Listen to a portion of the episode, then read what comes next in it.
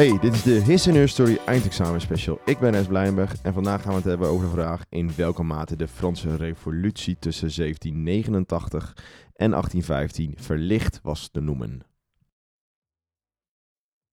Oké, dan gaan we eerst weer even stilstaan bij de twee jaartallen uit de vraag, 1789 en 1815. Nou, 1789, dat is het uh, jaar waarin de Franse burgers de Bastille bestormen en de Franse revolutie echt begint. En 1815 is het jaar waarin uh, Napoleon Bonaparte uiteindelijk nog een keer verslagen wordt en er een einde komt aan uh, zijn heerschappij. Oké, en als je dan even terugdenken aan de vorige aflevering waar ik het heb gehad over de verlichting, maar ook over het absolutisme, uh, daar liet ik al een beetje doorschemeren dat het absolutisme van de Franse koningen enorm veel geld kostte. Ze zaten in het uh, Spiegelpaleis Versailles, een supermooi paleis, ga er een keer naartoe, dicht bij Parijs. Um, maar ze kochten bijvoorbeeld ook heel veel kunst en ze voerden hele dure oorlogen. Dus de schatkist raakte helemaal leeg en er was, waren hongersnoden in Frankrijk en de burgers waren heel arm. Dus als gevolg daarvan riep in 1788 Lodewijk XVI uh, voor het eerst de Staten-Generaal bijeen, sinds 1614. Dus al bijna 200 jaar uh, waren de Staten-Generaal, dat waren allerlei uh, afgevaardigden van de drie standen in Frankrijk. Dat waren de adelen, of de edelen, de geestelijke en de burgers. Die werden bijeengeroepen onder leiding van de koning om te gaan vergaderen. En dat was dus al bijna 200 jaar niet meer gebeurd. Want zoals je weet uh, was er al tijdje sprake van een absoluut, absolute vorst in Frankrijk die alle macht in handen hield en dus zich niks aantrok van zo'n uh, nationale vergadering. Nou, de derde stand, de burgers, dat was de grootste stand, maar dat was ook de stand die uh, eigenlijk niet echt mee mocht beslissen. Uh, de eerste twee standen, dus de edele en de geestelijke, die vergaderen met elkaar. En de derde stand, die vergaderde alleen. En dit was erg nadelig voor die derde stand, want zo konden ze eigenlijk nooit echt meebeslissen. Want de geestelijke die uh, misschien dan wel dichter bij de burgers stonden dan bij de edelen, die uh, werden altijd overrompeld door die edelen en daardoor besloten ze ook met de edelen mee. Dus het was gewoon heel nadelig dat de derde stand apart moest vergaderen. En zij weigerden dan ook daar in 1788 om apart te gaan vergaderen. Maar dat wordt niet geaccepteerd en zij roepen, dus de derde stand roept, uh, een Assemblée Nationaal uit. Een nationale vergadering uh, op een andere plek. En deze derde stand werd ook enorm gesteund door heel Frankrijk. Want de rijke burgers die onderdeel waren van deze derde stand, die wilden meer invloed op het bestuur. De arme burgers wilden vooral een beter bestaan, want er waren ze hadden enorm last van de hongersnoden natuurlijk. En de boeren streefden naar meer gelijkwaardigheid en grondverdeling en wilden eigenlijk een afschaffing van een heel middeleeuws uh, systeem van, uh, van leendiensten. En al deze klachten waren ook uh, meegebracht door de derde stand in de Cahiers de Doléances, een soort van klaagbrieven die zij meenamen uit het hele land, waarin alle klachten die de burgers hadden waren opgeschreven en die overhandigd zouden worden aan de koning. Maar koning uh, Lodewijk XVI deed eigenlijk niks met deze klachten. En al helemaal niet met de nationale vergadering die was uitgeroepen door de derde stand. En sloot ook deze derde stand buiten bij de vergadering van de Staten-Generaal in uh, Versailles. En daardoor vertrok de derde stand en ging op zoek naar een uh, plek om te vergaderen. En die vonden zij op een kaatsbaan of een tennisbaan eigenlijk. En daar gingen zij vergaderen en zagen ze dat steeds meer geestelijk uit de eerste stand zich aansloten bij, bij deze derde stand. En we, daardoor werden zij steeds groter en groter en groter. En waren zij echt de echte vertegenwoordigers van het volk. En zelfs afgevaardigd van de tweede stand, dus de edelen, die gingen zichzelf ook toevoegen aan deze nationale vergadering. Waardoor de koning ook inzag van, hé, hey, ik moet iets doen. We moeten doorgaan met, uh, met de problemen die we hebben. En hij uh, riep dan ook uit dat iedereen, dus alle standen zich bij deze nationale vergadering op de tennisbaan moesten uh, aansluiten. Zodat ze verder konden gaan. Tegelijkertijd haalde de koning heel veel troepen naar Parijs, waar die, waar die tennisbaan was om eventuele problemen snel te kunnen voorkomen met die troepen door hard te gaan optreden. En deze troepen, dat schoot in het verkeerde keelgat van uh, heel veel uh, mensen uit Parijs. Parijs was in toen de tijd een van de grootste steden van Europa. Er woonden 600.000 mensen. Het was het politieke hart van Frankrijk. Maar daarnaast woonden er ook gewoon heel veel arbeiders. En die werden kwaad op deze troepenmacht. En gingen eigenlijk de straten op en veroverden steeds meer belangrijke plekken waar toevallig ook wapens lagen opgeslagen. En die gingen ze zich daardoor ook bewapenen. En dit liep allemaal zo hoog op dat ze in de ochtend van 14 juli 1789 de Bastille bestormen. En de Bastille was een hele uh, symbolische plek. Het was toen de tijd een gevangenis waar de koningen uh, gevangenen opsloten. Er zaten niet heel veel gevangenen in, maar het was, het was juist een symbolische plek omdat de koningen besloten wie daar gevangen werd gezet. En voordat het een uh, burcht slash gevangenis was, uh, was het het woonhuis van de koning. Dus het was in Parijs een hele symbolische plek. En die, die revolutionairen die veroverden ook de Bastille. En dat was echt het begin, dus deze 14 juli, het begin van de Franse revolutie.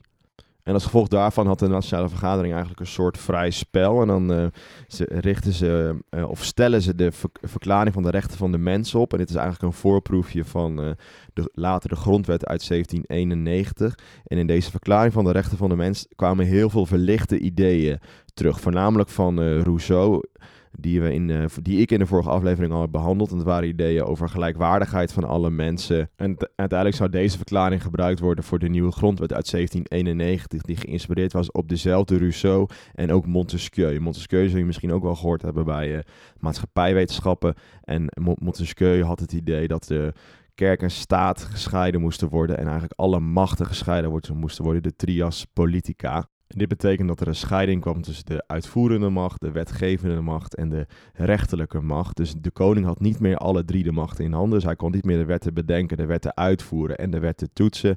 Dit werd verdeeld onder drie aparte instituties.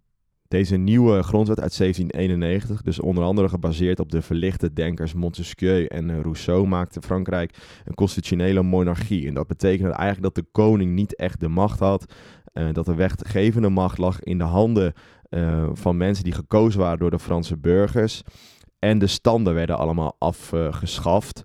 dus er was, was geen eerste, tweede en derde stand meer. En eigenlijk was iedereen gelijk in Frankrijk. Gevolg van deze verlichte ideeën op de wetgeving was onder andere de wet van Le Chapelier uit 1791.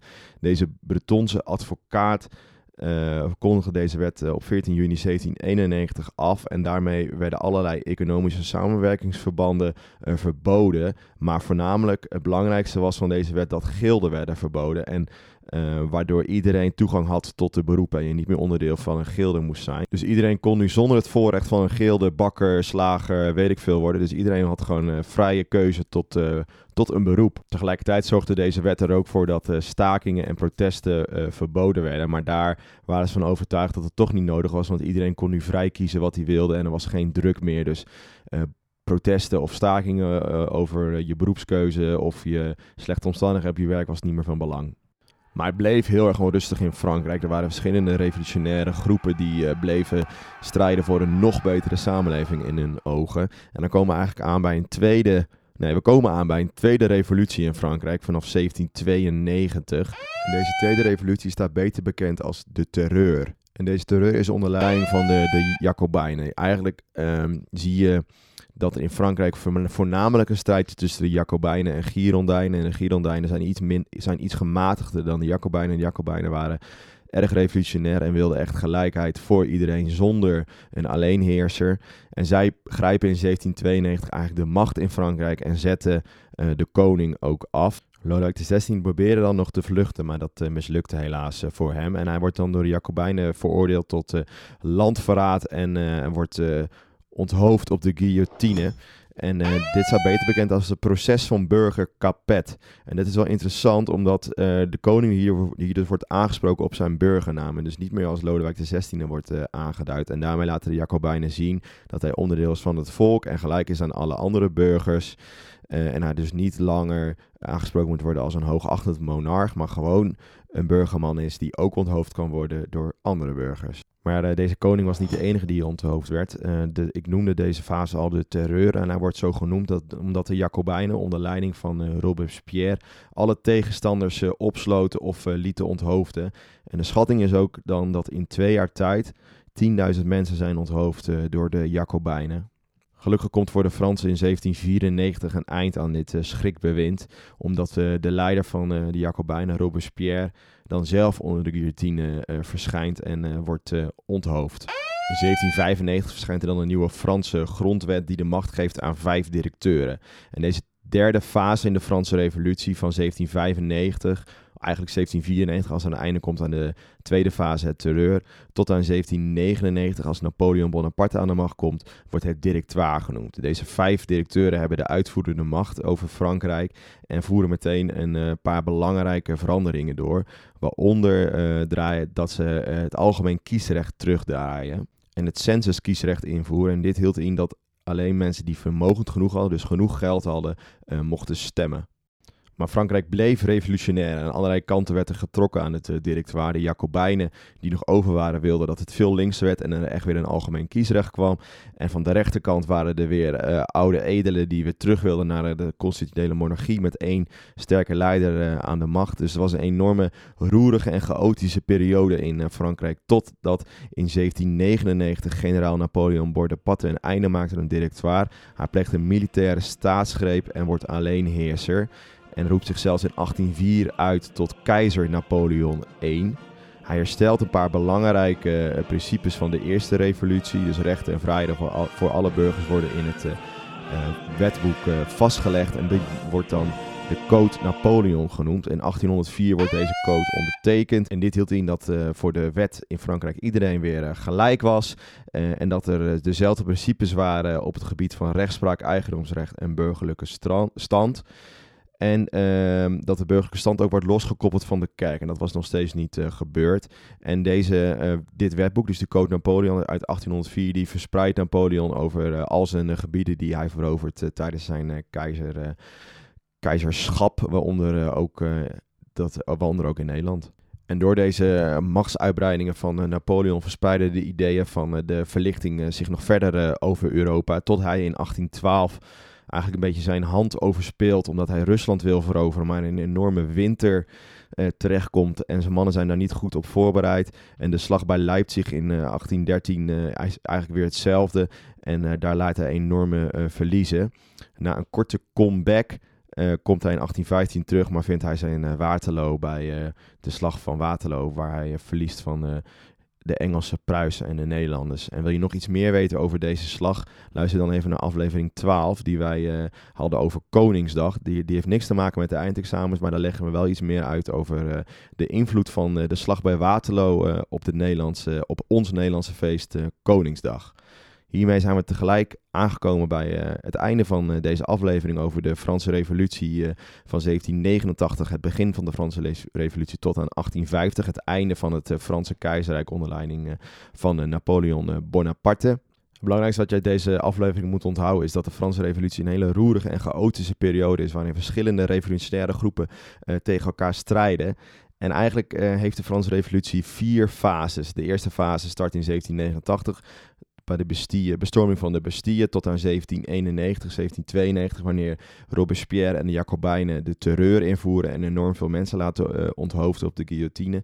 Daarna zie je dat de directoire aan de macht komt, die uiteindelijk in 1799 wordt overgenomen door uh, Napoleon met zijn uh, staatsgreep, dat tot 1815 duurt. En al deze revoluties zijn wel ingegeven en gebaseerd op de ideeën van de verlichting. Dus die hebben zeker een invloed gehad op deze roemruchte periode. Nou, wil je, heb je nog vragen over deze aflevering? Of denk je van, hey Rens of Vincent, kun je dat nog even verduidelijken? Volg ons dan op uh, Instagram en stuur ons daar een berichtje op.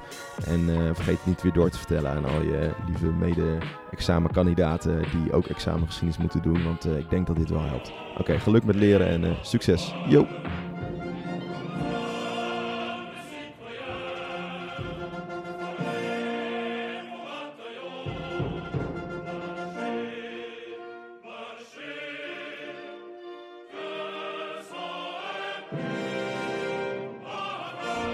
Voor de echte diehards hoorde hier op het eind nog een stukje van uh, de Marseillaise, het officiële volkslied van uh, Frankrijk, wat geschreven is uh, tijdens de Franse Revolutie.